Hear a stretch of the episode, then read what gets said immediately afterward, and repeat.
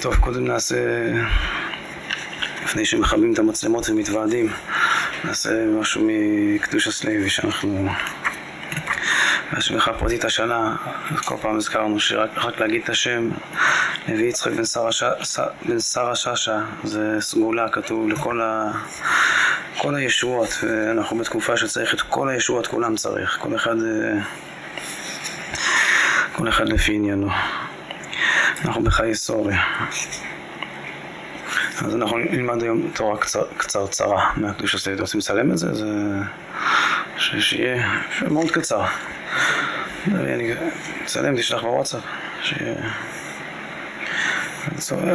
זה פעם ראשונה שאני לומד ככה קדוש הסלוי ממש על הסדר כל שבוע.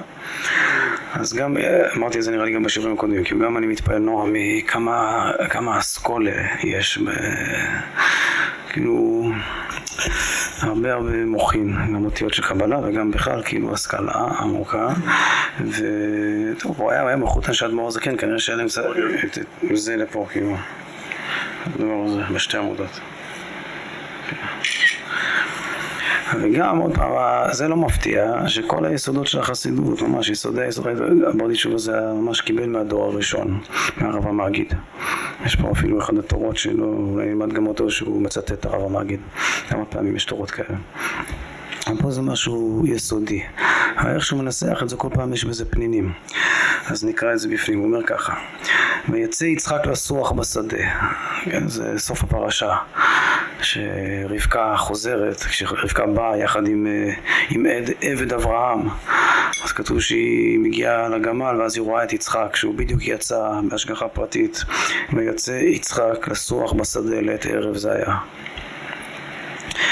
עכשיו הוא אומר כלל, שכאילו בשמיעה ראשונה זה כאילו קצת מפתיע. הכלל שהכנעה מביאה עצבות. איך הוא כותב? כלל גדול. עכשיו אצלנו, מה, מה מיד, איך שקראתי את המשפט הזה, מה מיד זה הדליק אותי? אצלנו יש כלל שהכנעה מביאה שמחה, ככה יש אצלנו כלל, מאמר השפלות והשמחה אשר וייזיק, זה הכלל הכי יסודי בכל התורה כולה, זה נקרא הא בהתליא, ה' בה', יש בי' כו' כשתי ה'ים, ה' לאה זה בינה, שמחה, וה' תתאה זה מלכות, שפלות. וזה נקרא הא בהתליא, שהה' תלויה בה', שהשמחה תלויה בשפלות, יש בספר שלם, מאמר שהוא בעצם ספר שלם של רבי אייזק מיומיל, שנקרא מאמר השפלות והשמחה. אז עכשיו פה הוא אומר כלל, שהכלל שהכנעה מביא עצבות. אז קראתי את התורות, חשבתי מה אני אלמד השבוע, איך שקראתי את המשפט הזה, אמרתי זה בטוח אני אלמד את זה, רק צריך לראות מה הוא אומר. עכשיו למה? אז קודם כל הוא אומר פה משהו שזה כאילו מאוד חשוב לקרוא את זה מהזווית שהוא אומר את זה. כי כל פעם שמסבירים אצלנו מה שתמיד אנחנו עסוקים בלהסביר, כמה ששפלות עושה שמחה, אז תמיד זה קשה לעיכול, כלומר זה, זה אחד הנושאים הכי כאילו מחודשים, הכי, הכי קשים לעיכול, שאנשים שבאים לתורה של הרב זה כאילו מפתיע אותם. יש אפילו, בדרך כלל יש איזושהי התנגדות לקבל בפעם הראשונה או בשלבים הראשונים של, של עבודה פנימית, יש איזו התנגדות לכל הדיבורים על שפלות, זה גם לא הולך היום כל כך במודה. היום יש מודה הרבה של תאהב את עצמך, תחזק את עצמך וכולי. אז מי יש התנגדות לזה? מה ההתנגדות הנפשית הראשונה? אז פשוט שההתנגדות הראשונה זה שבן אדם מרגיש שבאים לבאס אותו. כאילו שאתה, שאם אתה תגיד לי להגיד, לדעת שאני לא בסדר ולהכיר את כסות, אבל להוריד אותי, צריך להיות בשמחה. היום כולם מספיק למטה. צריך רק להרים, רק לחזק את עם ישראל. כן, זה ככה זה הדור. אז זה בדיוק מה שהוא כותב כאן, שיש כלל שהכנעה מביאה עצבות. עכשיו למה? מה הסברה הראשונה, למה אני חושב ככה? הוא כמובן, הוא לא יגיד ככה, כן, או שלא היינו, הוא יגיד הפוך, אבל הוא, הוא אומר את זה, הוא מנסח את זה כמו שזה מרגיש. כלומר, קודם יש איזו הנחה נפשית, כלל, והוא גם יסביר למה ומתי זה אמיתי הכלל הזה, שהכנעה מביאה עצבות. למה? זה ככה. בגלל שאין בידו לעשות כרצונו וכחפצו. אז למה בן אדם חושב שזה יביא לו עצבות, כי אם אני לא... אם מתחיל להיכנע למשהו, כן, כי הוא בולמים אותי, אם אני נותן לעצמי לעוף על עצמי, כי יש הרבה לגיטימציה, אני בסדר, אני צודק, אני יכול לתת דרור לגחמותיי וסברותיי ודעותיי, אז אני יכול לעשות מה שאני רוצה, ואם לא, אז לא. אם תגידי שאני לא יכול לעשות מה שאני רוצה, אז אתה תצמצם אותי, אז זה יבאס אותי. זה פשוט, זה הכי פשוט, כאילו, מה הכוונה שמישהו אומר שלהיות בשפלות זה, זה עוצר בי, כן, זה עוצר את רוחי, מה שכתוב על אבשלום, שלא עצרו אביו מעולם. אז כאילו להכניע מישהו גם פנימית וגם אפילו חיצונית, יש גם כניעה חיצונית. שאני כאילו כנוע תחתיך חיצונית, שאני בהתנהגות, אני מקבל מרות ממך, ויש גם כניעה פנימית, שאני מרגיש לא בסדר לידך, שאני מרגיש פנימית שאני כנוע תחתיך. לא רק שאני, יש עליך סמכות טכנית עליי, שאני לא יכול, כמו אסור בבית האסורים. שזה מגביל אותו, כי הוא כנוע תחת איזה מרות. אבל יש גם שפלות פנימית, שבן אדם גם כנוע תחת, אה, והנה השם ניצב עליו, כמו שכתוב בסעיף הראשון של שולחן ערוך, שאינו דומה ההנהגה של האדם כשהוא לבד בחדר לכשהוא מול המלך. כי ההכנעה של נוכחות המלך, אז זה מגביל אותו, הוא לא עושה מה שבא לו, הוא לא יושב ככה רגל על רגל. אז זה, זה התחושה הראשונה שאני מבין, זה השדר הראשון ש, שמשדרים לי כשאומרים לי הכנעה, שפלות, ולכן זה מרגיש לי שהכלל הוא שזה עושה עצבות. אז רגע, זה נקרא, אז הוא אומר, אז, אז מה, למה זה עושה עצבות? שאין בידו לעשות כרצונו וכחפצו מחמת ההכנעה שמכניע את עצמו בפני חברו. אז אם יש מישהו שהוא מכניע, אני כנוע, אז אני לא יכול מה שזה עושה לי עצבות. עכשיו, את זה הוא אומר שזה נכון. כלומר, הוא לא אומר שזה לא נכון. אנחנו את כל זה הסברנו כמו איזו סברה ראשונה של בן אדם. עכשיו, מאיפה מגיעה הסברה הראשונה הזאת? זה מה שאנחנו צריכים להעמיק פה. אז קודם כל נקרא מה שהוא אומר. הוא אומר ככה, אבל, אך, כשאדם עובד את הבורא ברוך הוא, הוא מכניע את עצמו בפני הבורא, זה כלל גם, כמו שיש, אה, כאילו, זה אותו כלל בעצם, זה לא הכלל, באתי להגיד שזה הכלל השני, אז זה לא כלל השני, זה הכלל, זה אותו כלל, שהכנעה אמיתית זה לפני השם. איפה זה כתוב הביטוי הזה? איפה, מה המקור הכי חשוב בכל התורה לשפלות והכנעה? המקור הכי חשוב בתורה לשפלות והכנעה זה, זה הסיפור של דוד, דוד ו, ומיכל בת שאול.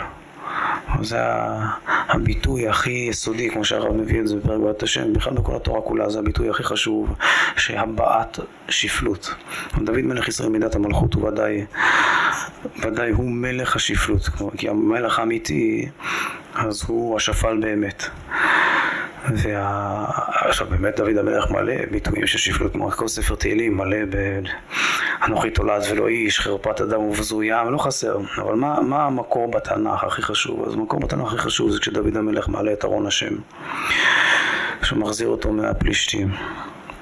כמו שהיום אנחנו צריכים למקום נקמת ישראל מהפלישתים. וזה יהיה השמחה הכי גדולה. אז גם דוד, שהוא מחזיר את ארון, ארון ברית השם מהפלישתים, הוא מעלה אותו בשיר ומחול וקורבנות על כל צעד ושעה לירושלים. אז כתוב שהוא מפזז ומחרקר בכל עוז, ככה הלשון שם. עכשיו, מה הסיפור, אחד הסיפורים הכי חשובים בתנ"ך? שתוך כדי שהוא מחז... מחרקר ומפזז, אז מיכל בת שאול, אחת הנשים שלו, אולי האישה הכי חשובה פוליטית על כל פנים, כן, הראשונה, הבת של שאול המלך. אז היא מביטה מן החלון, אז אה, יש פה כמובן, כאילו, אב טיפוס של מלחמות של תפיסות עולם. שאול המלך הוא, הוא בדיוק הפוך מדוד. הוא מלך, כמו שכתוב עליו, שהוא משכמו ומעלה גבוה מכל העם בהתנשאות, והוא הדמות הכי טיפוסית של איך בטבע הראשון העולם חושב שצריך להיות מלך, לכן באמת עם ישראל רוצה אותו בתור מלך. איך שרואים אותו מיד מבינים שזה מלך. ודוד הוא בדיוק הפוך, שעד שמגיעים אליו אחרי כל האחים שלו, זה, הוא הכי לא נראה כאחד שמשחק את התפקיד. באמת זה חידוש, חידוש גדול, טבע שני גדול, שהקדוש ברוך הוא מצאתי דוד עבדי דווקא בצמל קודשי משכתי, ודווקא על שאול, וניחמתי על הציור הטיפוסי המלכותי הזה, המרשים. אבל מיכל, היא, היא באה מהמנטליות הזאת, כלומר זו מנטליות של בית שאול, של הכל צריך להיות אה, כמו בית המלוכה הבריטי, כן, הכל אה, להבדיל, אלפי הבדלות. אבל הכל צריך להיות מתוקתק, כתוב שנשי בנות שאול היו כל כך צנועות שהיו לובשות שרוולים עד אחרי קצות האצבעות, מצד הצניעות, שהיו מכסות את קצות אצבעות, כאילו. פעם זה... עכשיו דוד, ככה כתוב מפורש, שהוא היה מחרקר ומפזז, הכוונה שהוא מתגלגל, וכתוב שהחוצה שלו עלתה, ראו לו את הבטן. מלך ישראל. עכשיו, מיכל היא רואה את זה, וזה כאילו יוצאת מהכלים לגריותה, לגמרי. והיא אומרת לו את זה. שאתה אתה מבזה אותנו, כל מה שאבא שלי בנה במשך שנים, שיהיה פה מלכות ישראל מתוקנת. אתה עכשיו, בקרקס הזה שאתה עשית עם העם האחות, ככה היא אומרת כל השפחות וכל ה... ריקדת פה, פיזזת עם כולם, אתה הורדת את קרן ישראל, את קרן המלכות, כל מה שהשקענו פה, שיהיה פה מדינה רצינית וטטטה עכשיו. אתה עם, ה... עם הציניות שלך, עם השפלות שלך, הורדת את קרן ישראל. אז מה הוא עונה לה? זה, זה הציטוט הכי חשוב, מה שרציתי להגיד. הביטוי של שפלות שהוא אומר שם, שגם הרמב"ם מצטט את זה, והרב מביא את זה בהתחלה בעבודת השם, כולם מכירים את זה, וניקלותי עוד מזאת, והייתי שפל בעיניי, ועם האמהות אשר אמרת, אשר עמהם יכבדה. כן, כן, אבל איך זה הכל מתחיל, זה הכי חשוב. עכשיו, המילה הראשונה שהוא אומר לה, זה לפני השם. לפני השם אשר בחר בי, לא סתם, זה הכל פה זה מלחמה, מלחמת תרבויות. אז הוא אומר לה בפירוש, לפני השם אשר בחר בי על, דו, על שאול אביך. מאביך ובבית אביך. ואז הוא אומר, וניקלותי עוד מזאת, והייתי שפל בעיניי. ועם אותם האמהות שאתה מזלזלת בהם, בהם יכבדה, זה הכבוד שלי, הדבר הזה. וככה הרמב"ם פוסק להלכה כידוע שזה, שזה כבודו של אדם, לא, לא, לא לעשות, לא להחזיק מכבודו לפני השם, כמו הוא מביא את זה, איפה הוא מביא את זה. עכשיו, זה, וזה בשמחה פת השואבה, בהלכות אה, שמחה פת השואבה בסוכות. שצריך, שדווקא החכמים היו רוקדים שם ושמחים, וזה כבודם, כמו שדוד המלך אמר, פוסק את זה להלכה. אבל דבר פשוט, עכשיו זה, זה יסודי יסודות מי שבדרך שלנו, אבל מה אנחנו רוצים לתפוס פה בעיקר? שבאמת גם אצלנו, כל, כל הדיבור של שפלות מתוקנת, אז הכל מתחיל ונגמר מלפני השם. יש מאמר מאוד חשוב של אדמו"ר זקן,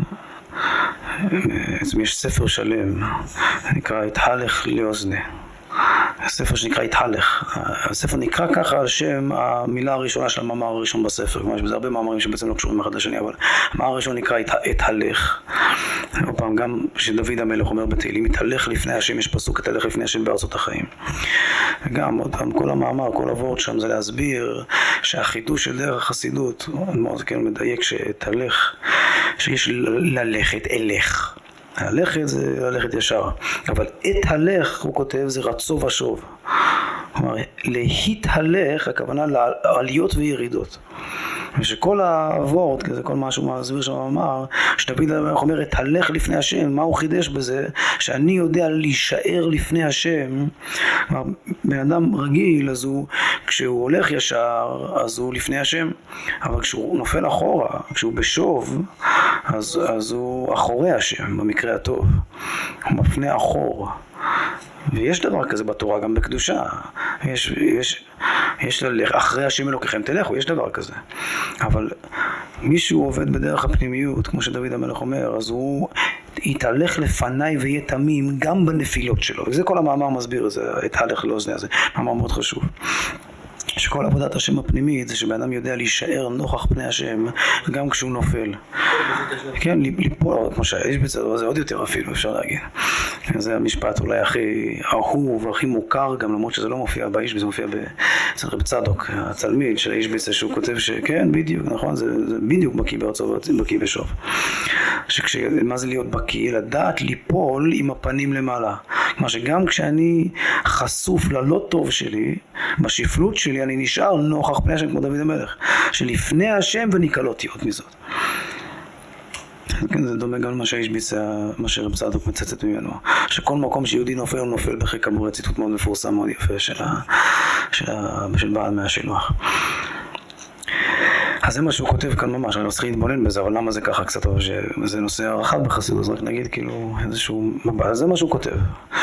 כשאדם עובד את הבורא ברוך הוא מכניע את עצמו בפני הבורא, כלומר שכשכל ההכנעה היא לפני השם, לא סתם הכנעה, כלומר, למה הוא אומר את זה? מה הוא רוצה? הוא רוצה להגיד שבאמת הכנעה ושפלות שהיא לא לפני השם, זה, באמת זה, זה עצוב, זה מביא עצבות, זה הכלל, כלומר, לכן הוא מתנסח ככה, הוא לא בא להתנגח עם מי שאומר לו שלא, שפלות זה לא כדאי, זה הוא הפוך, הוא, הוא אומר את זה, שפלות זה לא כדאי. למה? כי זה תמיד מביא עצבות, אה, אלא אם כן זה לפני השם. אז אני צריך להסביר. קודם כל זה מה שכותב כאן. אז הוא דבוק עצמו במקור השמחה. הוא דבוק בהשם, אז זה מקור השמחה, ואז הוא שמח. וזה הוא דורש מהפסוק. אז קודם רק נסביר את ההתבוננות, כאילו מה, מה עבורת פה, כאילו שאם אני, אז, אם אני כנוע בפני אדם, למה זה קצת דומה? זה קצת דומה לפחד, גם קשור ליצחק. גם כתוב שפחד, פחד יצחק. שכל פחד שהוא לא מהשם, זה רחב בבא שם טוב, אז הוא, אז הוא פחד נפול, אבל פחד מהשם זה טוב. האם פחד זה טוב? זה לא לפחד כלל. יש יראת שמיים, אדרבה, זו המילה הכי פשוטה של, של יהודי, זה שהוא ירא שמיים, זה היסוד שלו. האם הוא ירא מהשם, אז זה טוב. באמת ככה בא שם טוב מעריך בהרבה תורות, שפחד זה רק רע כשזה נפול, כמו שזה מוכוון למשהו שהוא לא השם, או לא נכווה לי, לא ניכר לי שזה השם. אז ההיגיון מאוד דומה גם מה שהוא כותב, כל הדבר הכנעה. הכנעה זה דומה לפחד קצת. למה זה לא טוב? למה הכנעה זה עצוב, ולמה הכנעה להשם זה שמח? אז נגיד ככה, קודם כל מה זה עצבות בכלל? מה היסוד של מה זה עצוב? הכלל אומר שהעצוב זה כמו שדיברנו לא מזמן, שעל, אה, על, דיברנו על, אה, על כל המצב היום. אמרנו שבירור, כל בירור זה לא לערבב בין שמחת הנפש ועיצבון הגוף. אחד השיעורים גם דיברנו על זה לאחרונה. אחד המשפטים הכי חשובים בתניא. אמר הכלל שעיצבון, כל ייאוש ודאון בנפש זה הכל חוויית המציאות שלי. במילים פשוטות זה ישות. כל עצבות זה ישות. למה? כי מה זה יש? יש, כמו בפיזיקה, יש זה מה שנקרא אנטרופיה. כלומר, יש איזה דבר מתכלה, זה בהגדרה, כמו, כמו ביולוגית, כימית. כאילו, להיות יש, בלשון המחקרים, כל הווה נפסד. כל דבר שהוא ישנו, אז הוא מתכלה. למה? כי, כי ישות, ישנועיות, זה כאילו מצב לא טבעי. זה נקרא להיות נברא. שזה, הקיום שלך הוא משהו מחודש, ולכן הוא כל הזמן חוזר לעצמו, לעין. עכשיו, מי שמרגיש יש, מי שמר... כשאני מרגיש את עצמי, מה זה להיות בדיכאון, להיות בכבדות, זה פשוט. אחד שהוא במצב רוח לא טוב, הוא קם בבוקר, הוא שם את השמיכה על הראש, הוא מרגיש את עצמו חזק. כמה שאני יותר מרגיש את עצמו כמו מיחוש, זה נקרא, זה מחלה. החש בראשו. כן, כמו כל מחלה בגוף, אם אתה מרגיש משהו, אם אדם קם בבוקר והוא חס ושלום מרגיש שיש לו כבד או לבלב, אז לא טוב. כל עוד אתה לא יודע שיש לך לב, הכל בסדר. אבל אם יום אחד אתה מרגיש שיש לך לב, זה נקרא התקף לב, זה לא דבר טוב. אתה לא אמור לדעת, אתה אמור, לא, אמור מחושים, לכן חו, תחושה זה מילה נרדפת למחלה, כן, שיש מיחוש. עכשיו, אם אני חש את עצמי מאוד, אז אני באמת, אני חש את ה... מה אני מרגיש? אני מרגיש את, את הכיליון הקיומי של הקיום. זה נקרא עיצבון הגוף. שהגוף, כלומר צד הממשות של הקיום, זה צד שהוא עצוב, הוא עצוב בעצם. כלומר זה לא, זה לא שהוא לפעמים נופל לעצבות, אלא זה, זה עיצבון. למה זה עיצבון? זה עיצבון כי זה משהו קלה. נפסד, כן, משהו נפסד. זה משהו, משהו מורכב קצת, כי יכול, לא יודע, עכשיו יש לי הרבה נכסים, אז זה עצוב או שמח? עצוב. מי שיש לו נכסים, הוא יודע. אתה יושב עם כל הנכסים, אתה מרגיש אותם, מה אתה מרגיש? כיליון. כן, בדיוק, הרבה נכסים, הרבה דאגה. על מי זה כתוב? זה כתוב על אשתו של טורנופוס, שרבי עקיבא רואה אותה מאוד יפה, אז מה הוא עושה דבר ראשון? מה התגובה הספונטנית שלו? קודם כל הוא בוכה כתוב. שהוא, לא, הוא בוכה על היופי, שאלו אותו למה בוכה, כתוב שהוא בכה וירק וצחק, זה הסיפור בגמרא. אז באמת הירק וצחק, צריך להסביר, זה הבדלה והמתקה. אבל קודם, מה הפשט? ההכנעה. פעם זה בדיוק מה שאנחנו מסבירים כאן, שלחוש את זה, זה בעצם להיכנע. כלומר, העצבות זה מה שהיש כל הזמן מפסיד. כל הווה נפסד, זה כמו שכל הווה, כל יש, כל הזמן מפסיד. מה שלא יהיה, אתה בתהליך של להפסיד. כמו בפיזיקה. מכיוון שכל הווה נפסד, אז אני מרגיש אותו... אז החוויית הקיום שלו זה חוויה של... נפסדות. של, של, של אני נסדק כל הזמן. לא, אנחנו לא רוצים להיות שם, הפוך. אני רוצה להגיד שלכן, בגלל שככה בן אדם מרגיש את ה... את ה... כלומר, כשאני אומר שלהיכנע זה עצוב, מה, למה אני אומר ככה? כי מה זה אצלי להיכנע? אצלי להיכנע הכוונה שאני מנסה לשמוח ביש והוא כל הזמן נשבר, כל הזמן מפסיד. אני רוצה שהיש ישמח. ולכן היש תמיד מפסיד. עכשיו, אם היש מפסיד חזק, כלומר אם אתה מכניע אותי בפאסט פורוורד, עכשיו מגיע איזה משהו יותר גדול, אז אני עוד יותר עצוב. זה כמו שאני אגיד ש, שאתה מת לאט לאט. מתי בן אדם נהיה בדיכאון? כשהוא מת יותר מהר. כן, כאילו, באמת תמיד הוא בדיכאון. רק שהוא לא כל כך מרגיש את זה, אבל אם עכשיו יש איזה מחלה, הוא מת יותר מהר, הוא יותר מרגיש את זה, יבוא מישהו ידרוך לו על הראש, הוא עוד יותר ירגיש את זה.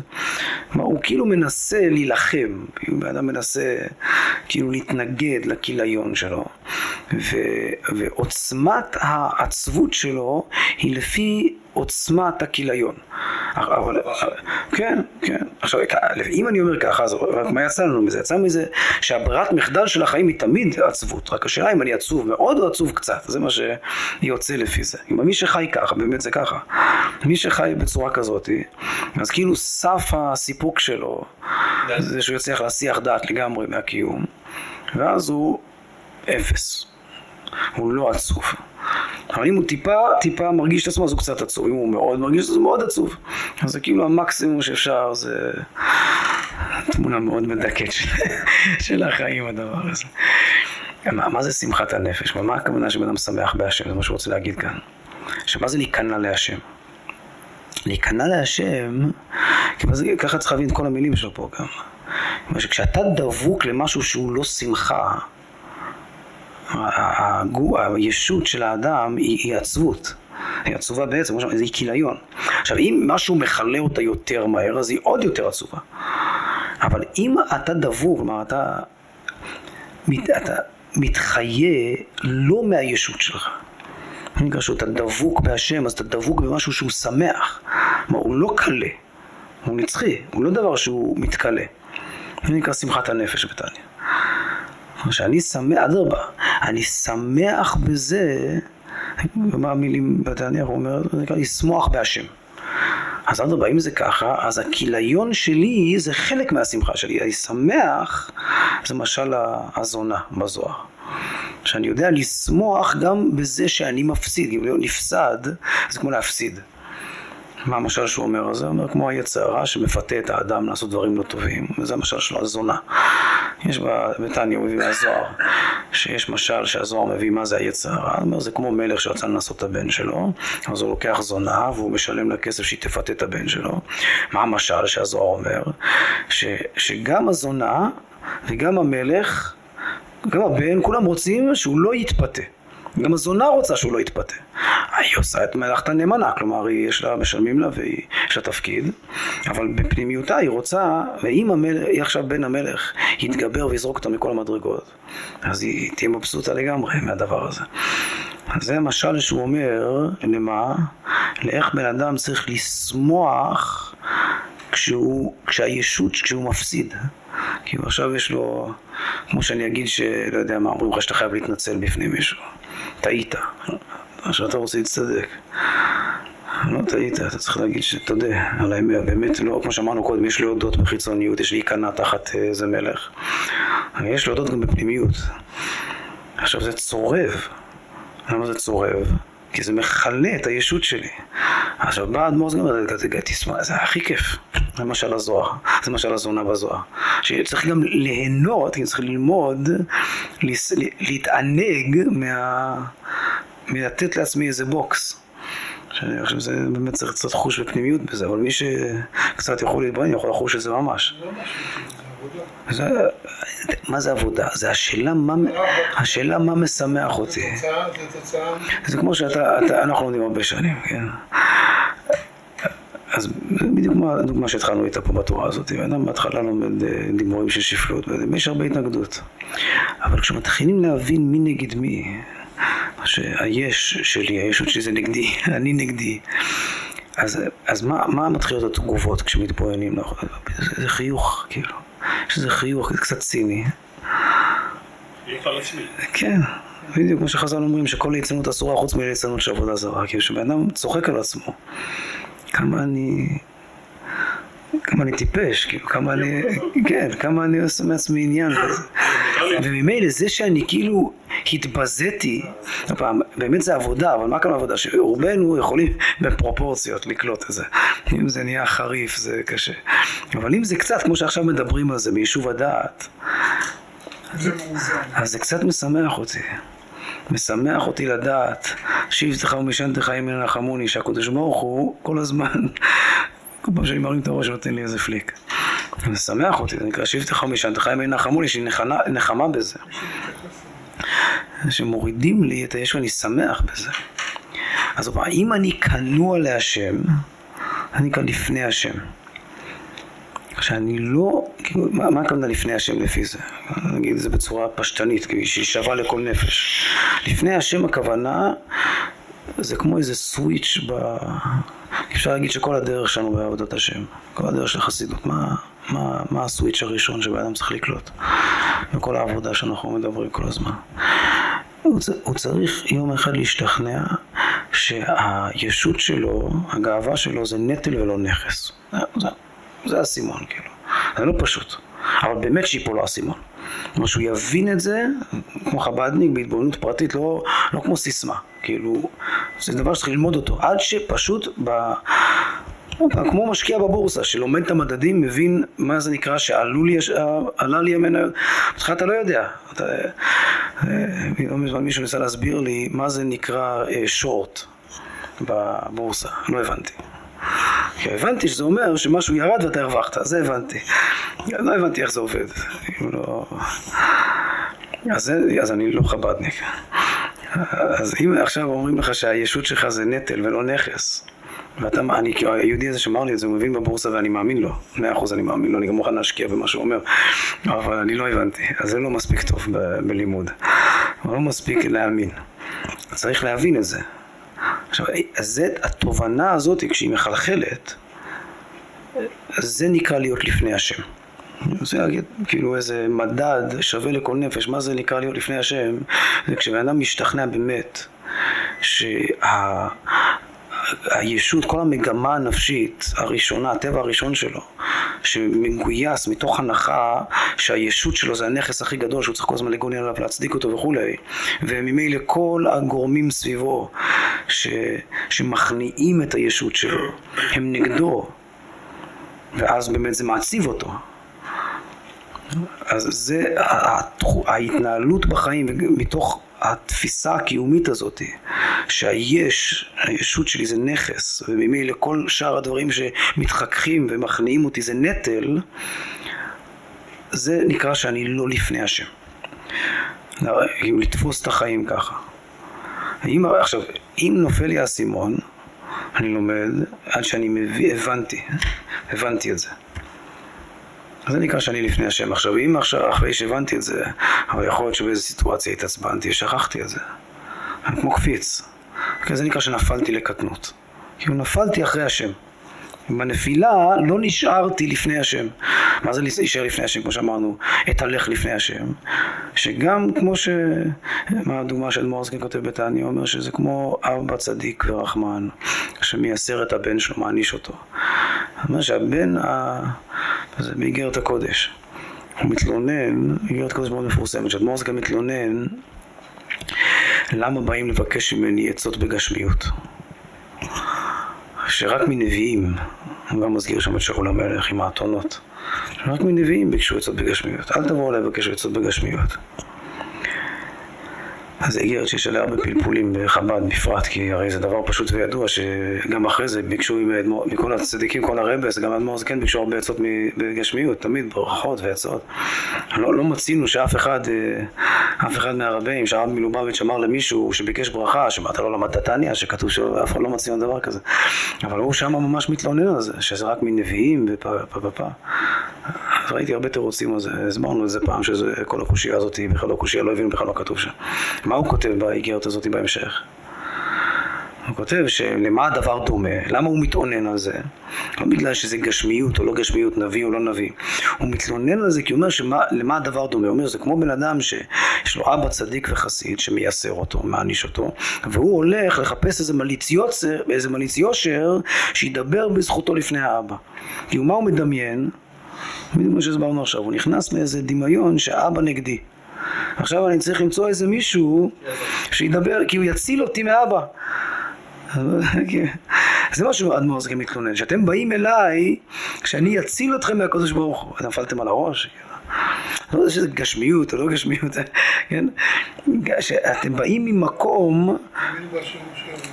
הפוך, אבל הפוך, עוד פעם, הקשר לרבה זה לא כי אני חושב שהוא צריך להציל אותי מהקודש ברוך הוא. הפוך, השם, אני מאמין בו מיליון אחוז.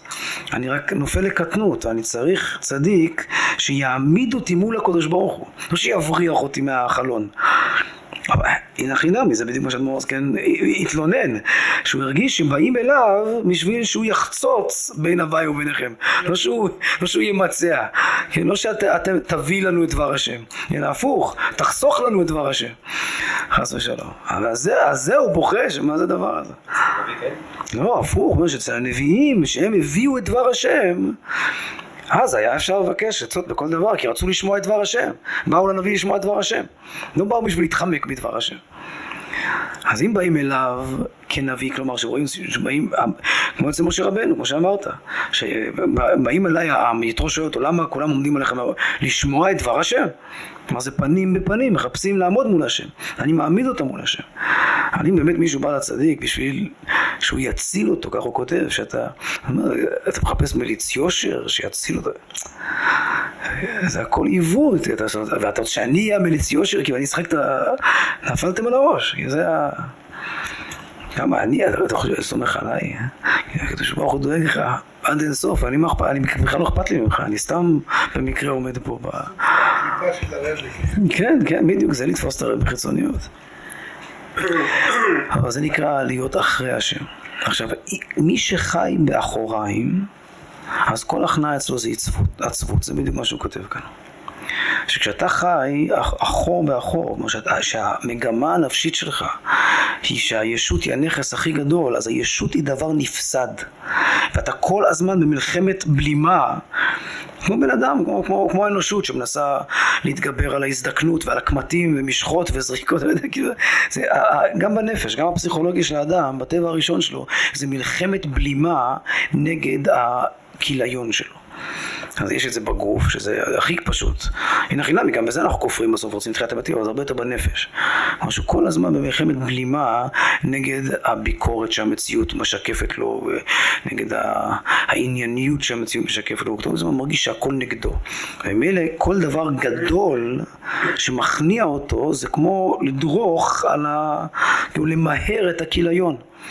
אז אם אני רואה בעצמי, בישות שלי נטל, נכס, והשם ממילא הוא נטל, אז כל כניעה זה, זה עצבות. אבל אם זה מתהפך אצלי, זה נקרא לעמוד נוכח פני השם. אז אם אנחנו מסבירים את זה ככה, זה, זה לא תובנה רחוקה בכלל. אני מקווה שכל מי שיושב איתנו תקופה, זה דבר, דבר הפשוט אצלו. אני אגיד שזה כל פרק בעד השם הדבר הזה. מה, איזה אסימון צריך ליפול לבן אדם. מה זה אומר שנופל אסימון? זה לא אומר שנהייתי צדיק, וזה נהיה החוויה הכי פשוטה שלי, זה אומר שבאמת הבנתי את זה. ממש הבנתי את זה בפנימיות. שהישות שלי זה נטל, זה לא נכס. וממילא כל מה שהקדוש ברוך הוא מתחכך איתי זה רפואה. זה הכל האישה שנתת עימדי. כן? עזר כנגדו. שזה עוזר לו כנגדו, מה שמנגד לו. זו תובנה, זו תובנה בשכל, לא, שזה ירד ללב בשלמות זה ממש מדרגה, זה כבר תפילה, זה התבוננות, זה לא תמיד. אפילו שזה יישב בשכל בשלמות, זה לא תמיד. אבל זה כבר, אם, אם זה, כאילו, אם מתהפך הגולה, שזה, שזה קורה הרבה, זה נקרא ליפול לקטנות. כלומר, ליפול לאחוריים, להיות אחור באחור עם השם. מה הכוונה? שאני מדבר, כמו שמישהו מדבר, מישהו משלנו, ומצטדק. אם אתה מצטדק, אז אני לא... אי אפשר לדבר ככה. אם מישהו מצטדק, אז... אז זה כאילו טוב, אם אתה במקום כזה, אז עזוב, תנשום אוויר, לא יודע מה, תשתה קולה, תעשה איזה עבירה, מה שאתה רוצה, אבל אי אפשר, מה שאני לא רוצה לא צריך, אני לא... זה תנועת נביא. כן. אבל עוד פעם, יש ספונטנית כמו דוד באופן קיומי, ויש, כשאני עדיין לא שם, אבל אני לא ויתרתי על התיאולוגיה, כלומר אני לא, אני לא מטיף הפוך. מראה שאני, שבראש אני כאילו מצדיק את המגמה לא, לא, אני צריך לדאוג לעצמי עכשיו, אני הולך עם זה, זה כבר עבירה. לא, אף אחד לא צריך אף פעם, כי זה שווה לכל נפש, אף פעם לא ליפול לקטנות כזאת. עכשיו, מי שחי ככה, תתפלאו, הרבה אנשים בעולם שממש חיים ככה כל החיים. אפשר באמת לדמיין שמי שחי ככה כל החיים זה רק עצבות, כל החיים זה רק עצבות. וכל כניעה, כל מי שמנסה להכניע אותו, זה מעציב אותו. זה רק עצבות. באמת, כשזה ככה, אז הקדוש ברוך הוא ממעט מאוד בלהכניע את הבן אדם הזה. למה? זה מה שכתוב, שאת אשר יאהב השם יוכיח, שהוא לא, אי אפשר, אי אפשר. אז באמת אנשים ש... כשבן אדם באחוריים, אז החיים משחקת לו השעה. כי אי אפשר, כמה מנסים, טיפה ביקורת, טיפה, טיפה, אבל אי אפשר... אה, אבל אם מישהו פנים בפנים עם השם, זה אשר יאהב השם יוכיח, זה אפשר... לכן דיבורים כאלה, תמיד כשאני מדבר ככה, אז, אז אני תמיד מפחד, כי אתה מרגיש שאם תדבר ככה חזק, אז יביאו לך בהפוכה. בסדר. אז באמת זה ככה. לכן צריך להיות בסוף שהכל יהיה, לכן כשאומרים אחרי וידוי ביום כיפור, אחרי כל וידוי, בסוף תמיד אומרים, לא על ידי ייסורים וחלאים, זה הסוף של כל וידוי. שזה קצת כאילו ככלב החוזר רקיעו, שאני מתכוון למה שאמרתי, אבל, אבל נא להתחשב ב... ב... כן, ב... והקדוש ברוך הוא נושא פנים לישראל כמובן, שהכל בחסד ורחמים, לא... אבל לא לוותר על המוחין אף פעם. אז מי שהוא נוכח פני השם, כלומר שהוא דבק, זה מה שהוא כותב פה, שהוא דבק בהשם, אז הוא דבוק במקור של שמחה. מי שלא דבוק בהשם, הוא דבוק בישות שלו, אז הוא דבוק במקור של עצבות, כלומר הוא דבוק במשהו קלה. ממילא, כמה שזה קלה יותר מהר, יותר עצוב. מכניעים את המקור שלו, זה באמת נכנע. אבל מי שלא דבוק בדבר הזה, לא, לא מזה ישועתו, הוא דבק בהשם, אז הוא דבוק משהו שהוא שמח. אם הוא שמח, הוא לא שמח ביש הוא שמח בהשם. אדרבה, אם זה ככה, כמו שאמרנו, אז אפילו יש צד שהוא יודע אפילו לשמוח, זה למשל הזונה, אפילו לשמוח כשהוא מפסיד. יש פה עוד תורה כזאת, בתורה הבאה הוא אומר את זה על הקדוש ברוך הוא. שמידתו של הקדוש ברוך הוא לא כמידת בשר ודם, שבשר ודם, מה זה מידת בשר ודם? שכשהוא מנצחים אותו הוא עצוב. אותו, אותו, ממש אותו וורט, אה, במשפט הבא. נקרא את זה, רק יפה איך הוא אומר את זה. זה בפסוחים. ראה שלא כמידת הקדוש ברוך הוא מידת בשר ודם. מידת בשר ודם מנצחים אותו והוא עצב. מידת הקדוש ברוך הוא מנצחים אותו והוא שמח. עכשיו, להיות כזה, זה כמו, זה התהלכת, כאילו לדבוק בדרכי השם. ללכת בדרכי השם זה להיות אחד כזה שמנצחים אותו והוא שמח. זה המשל של הזונה בזוהר. שהכי הכי משמח אותה שמנצחים אותה. אבל קל וחומר שהיא שמחה, היא גם שמחה על, על ניצחון הבן מלך, ואיפשהו היא גם שמחה על השברון האישי שלה, כאילו על ה... היא שמחה ב, כמו בן אדם שכאילו גם מהזבתא שהוא חטף, הוא גם, גם בזה הוא שמח, מגיע לי. גם יש בזה איזו שמחה צינית כזאת של... אני חושב שהשמחה בעצם זה בעצם זה אני שמח- בהשם, כן, שהשם השם מחזיק אותי. אם אני לא על זה שמחתי, אז זה רק מעצים את השמחה שלי. עד כמה השם, מה- מה מאמר השפלות והשמחה של רבי, מה העברות? עברות פשוט, זה כמו שאנחנו מסבירים תמיד, שככל שבן אדם מכיר את מקומו, כמה לא מגיע לו כלום, אז זה שהשם מחזיק אותו ומרחם עליו, זה מקור השמחה הכי גדול. ואז, ואז עוד פעם, כמה שהוא מרגיש שהשם מרחם עליו ומחזיק אותו, אז הוא יותר מעז גם להודות כמה שלא מגיע לו כלום. ואז השמחה רק מתעצמת, כמו כדור שלג. כן? כן? כמה שהוא יותר נחשף ללא בסדר שלו, אז הוא יותר קולט כמה זה פלא שהשם שומר עליו, וכמה הוא שומר עליו. ואז ממילא יש לו יותר ביטחון, להגיד עוד יותר כמה שהוא לא בסדר, ואז הוא עוד יותר שמח. ואם הוא הפוך, אם הוא באחוריים, אז זה גלגל הפוך. שכמה שהוא הוא לא מרגיש שהשם מרחם עליו, אז הוא מפחד להודות שהוא לא בסדר, אז הוא מצטדק. ואז הוא מרגיש שהוא מאה אחוז בסדר, אז הוא עוד פחות שם לב שהשם מרחם עליו, אז הוא עוד יותר מצטדק. זה, הולך וקלה. אז כשבן אדם נמצא באחוריים, דבוק בישות, לכן כאילו זה הביטוי, אז ננסח את זה הכי פשוט, הכוונה שהוא עדיין נתון בזה. יכול להיות שיש אנשים ששומעים אותנו, שומעים את השיעור הזה, אז באמת זה כל הדיבור הזה נשמע להם סינית. נכס, נטל, לא אלוהים, אוקיי, באמת אם זה ככה, אז באמת... אה, אז באמת שפלות זה מעציב מאוד, כאילו שעכשיו... אה, לכן בהתחלה זה קצת אה, קשה, זה, לא, זה גם לא מספיק להגיד את זה. כי באמת בן אדם צריך להשתכנע בזה. וגם אחרי שהוא משתכנע זה לא משנה לו את האינטואיציה. אבל להשתכנע במוחין, זה יסוד תורת חב"ד, זה כבר להיות פנים בפנים עם השם. ומה זה חוסך לאדם שהוא לא נכנס ללופ תיאולוגי שלהתחיל, אה, זה לא שייך בכלל, להיכנס לאיזו הצטדקות, אה, זה לא שייך שזה יקרה. להגיב ספונטנית בהצטדקות זה ודאי שייך. לדאוג לעצמי ולהתבאס כשמישהו יורד עליי, זה ודאי שייך. אבל כאילו לתפוס את זה כתיאולוגיה, לעשות אה, פסיכולוגיה כזאת, לעשות לטפל בעצמי ככה, או לייעץ לעצמי ככה, כאילו ממש לעשות מזה, להצדיק את זה, לעשות מזה שיטה. אז זה לא, לא בא בחשבון, אם אתה חב"דניק. כן, כל הדברים האלה. עזוב, אז אם אתה, יש לך טיפה טיפה הבנה בפנימיות, אז לא, אז זה לא שייך, זה שווה לכל נפש. שהדבר הזה הוא לא שייך. גם בנפש פנימה. וזה מספיק, זה פנים בפנים, זה משהו גדול. ומי שחי ככה, אז, אז הוא נקרא לפני השם, ואז הוא שמח. הוא שמח גם בשפלות שלו. גם בכניעה שלו, להיות כנוע זה הכי משמח בעולם, לעמוד ככה, להיכנע. מה צריך להיכנע בעיקר? להיכנע לאמת הזאת, שהישות שלי זה נטל, לא נכס. אתה השם, אתה הנכס. להיות תלוי בהשם זה נכס, ישות זה נטל, זה הכניעה העיקרית. וזה כניעה משמחת. אבל אם לא נכנעת ככה, אז כל כניעה בעולם מעציבה אותך. זה מה שהוא כותב. עכשיו נקרא את הסוף של התורה, איך הוא קושר את זה ליצחק. וזהו מרומז בפסוק, וזה קצת דרשות. כמה שהוא יש לו הרבה השכלות עמוקות, והוא מחבר את זה לפסוקים, אז הוא מפליג, כי הוא מרשה לעצמו להפליג בפשט הפסוקים קצת. לפחות במבט הראשון שלי. וזהו מרומז בפסוק ויצא יצחק לסוח בשדה. רצה לומר, אם מתי יצא שמחה? יצחק זה שמחה. כי יצחק לשון שמחה, מלשון צחוק. אז מתי יצא הצחוק? לסוח, לסוח, כמו, זה כמו להתכופף. לסוח זה לשון הכנעה. ובשדה רצה לומר, כי שדה מכונה להקדושה.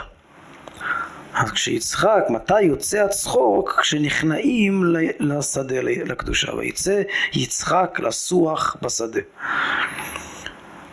וכשהכנעה הוא מפני הקדושה, מזה יצא ששון ושמחה.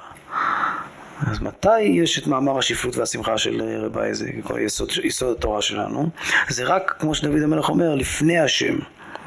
אז וניקלותי עוד מזאת והייתי שפל בעיניי, וזה רק אך טוב אחרי זה, הצחוק הכי גדול, השמחה הכי גדולה, מכמה שאני שפל ומזוהי אדם, והשם הוא כזה גדול, אני שמח במה שהשם בוחר בי, מה שהשם רוצה בי, ואז אדרבה, השפלות שלי זה רק מעצים את זה כמה אני לא בסדר.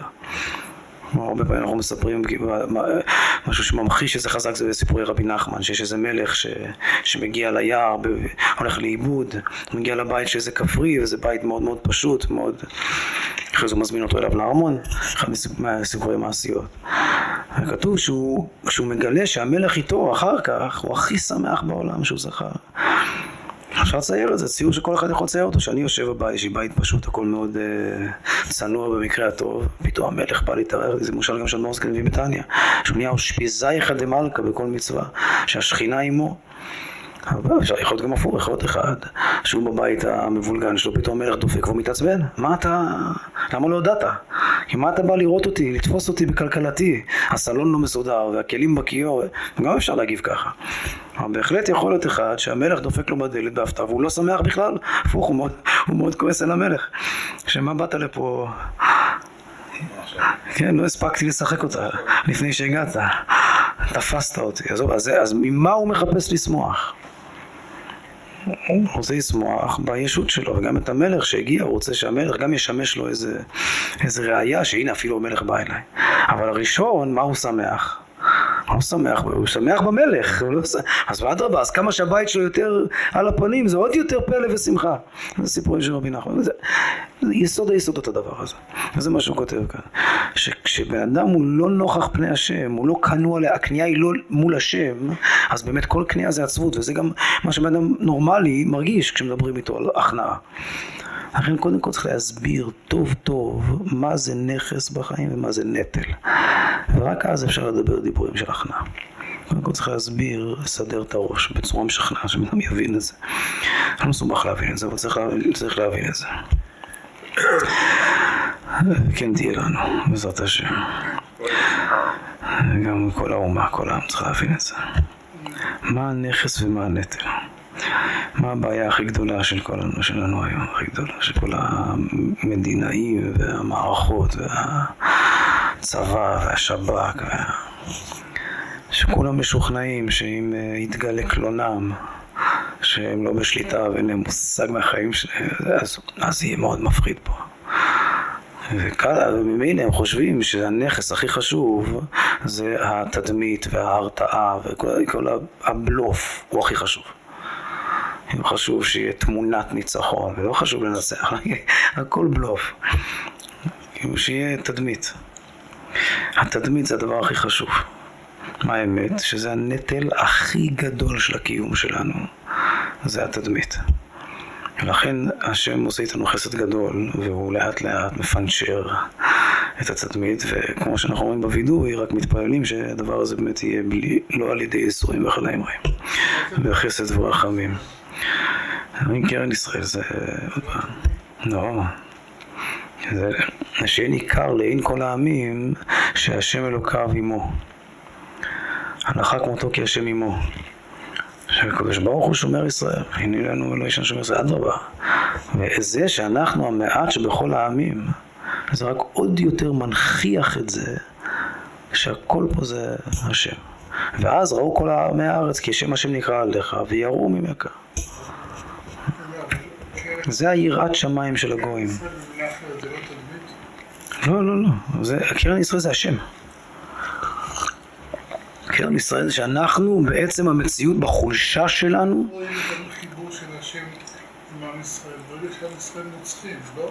כן, אבל כשנוצחים ממקום לא של אם אני מנצח מצד מה שאני חזק, מצד התדמית המזויפת הזאת, אם ניצחנו במלחמת ששת הימים, בגלל שהיה לנו את הצבא הכי חזק והכי הרבה חיילים ואת הנשק הכי מתקדם, אז לא היה בזה שום דבר.